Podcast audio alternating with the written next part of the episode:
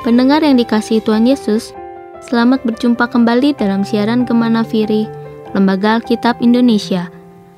Firman Tuhan yang akan kita baca dan renungkan bersama diambil dari Yesaya pasal 40 ayat 9 sampai ayat 15. Demikian firman Tuhan.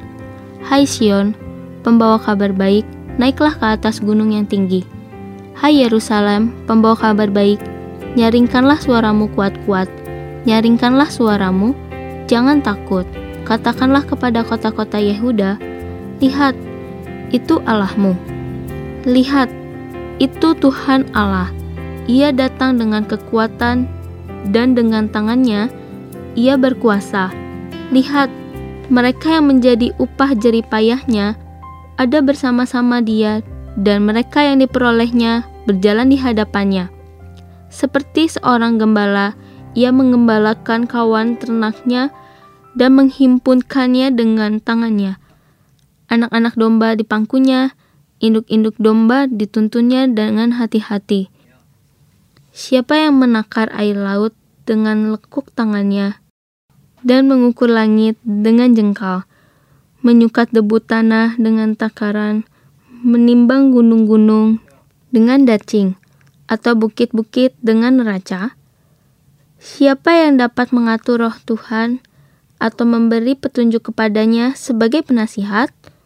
Kepada siapa Tuhan meminta nasihat untuk mendapat pengertian? Dan siapa yang mengajar Tuhan untuk menjalankan keadilan? Atau siapa mengajar dia pengetahuan dan memberi dia petunjuk supaya ia bertindak dengan pengertian?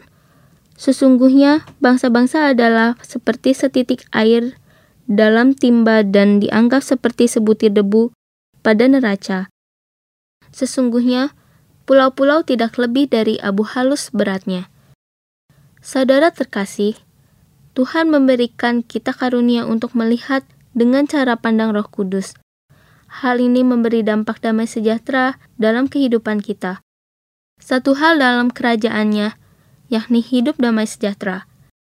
Tidak sedikit orang Kristen mengembangkan diri mereka dalam kebenaran penyembuhan, pelepasan, dan hidup berkelimpahan. Hal itu sungguh bagus. Namun terkadang mereka berhenti sampai di situ saja dan tidak mengembangkannya untuk kemuliaan nama Tuhan.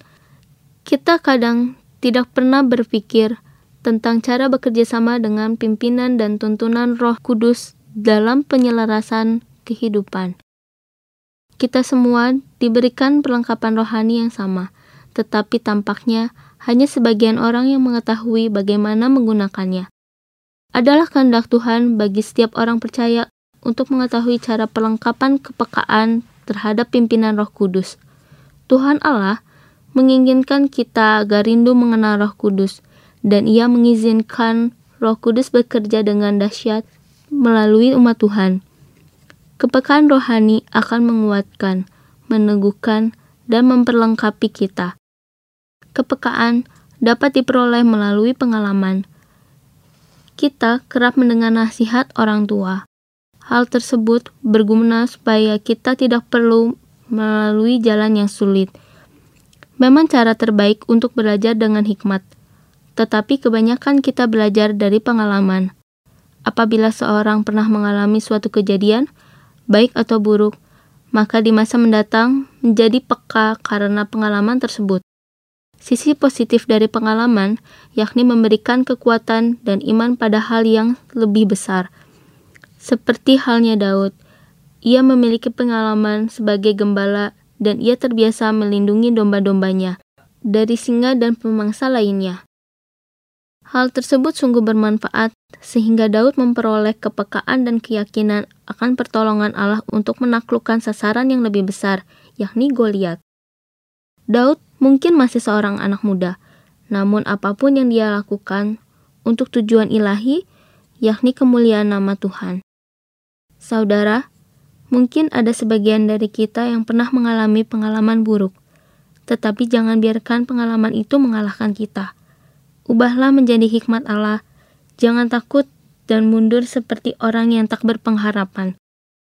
Kepekaan juga dapat diperoleh melalui nasihat ilahi, Orang bijak adalah orang yang mendengar serta menambah ilmu melalui orang lain yang dewasa, pengalaman rohani terhadap kuasa penyertaan Roh Kudus.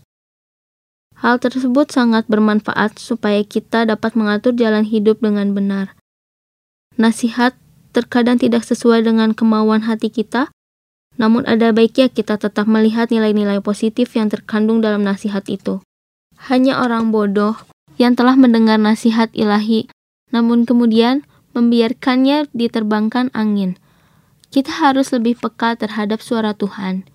Ia akan berbicara pada kita melalui hikmat dalam firman-Nya. Untuk mendekatkan relasi dengan Tuhan, perbanyaklah membaca Alkitab dan berdoa. Ketika kita mendengar Tuhan, maka kita harus menaatinya.